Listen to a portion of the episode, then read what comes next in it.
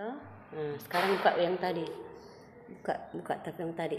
Oke. Nah, sekarang perkenalkan nama terus sebut di sini saluran baca judulnya terus nanti mulai baca di sini. Singkat saja sampai di sini saja. Oke. Kalau sudah rekam ke ibu lagi. Oh iya. Oke.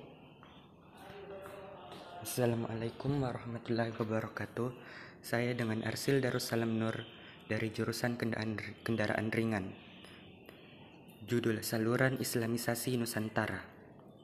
Proses Islamisasi Nusantara berlangsung secara bertahap dalam rentang waktu yang panjang. Penyebaran agama Islam di Nusantara dilakukan dengan cara yang damai dan fleksibel. Islam di Nusantara lebih mudah diterima karena menggunakan dakwah yang bersifat adaptif terhadap karakteristik masyarakat Nusantara. Oh, begitu aja, Bu. Oh, iya. Demikian dari saya. Assalamualaikum warahmatullahi wabarakatuh.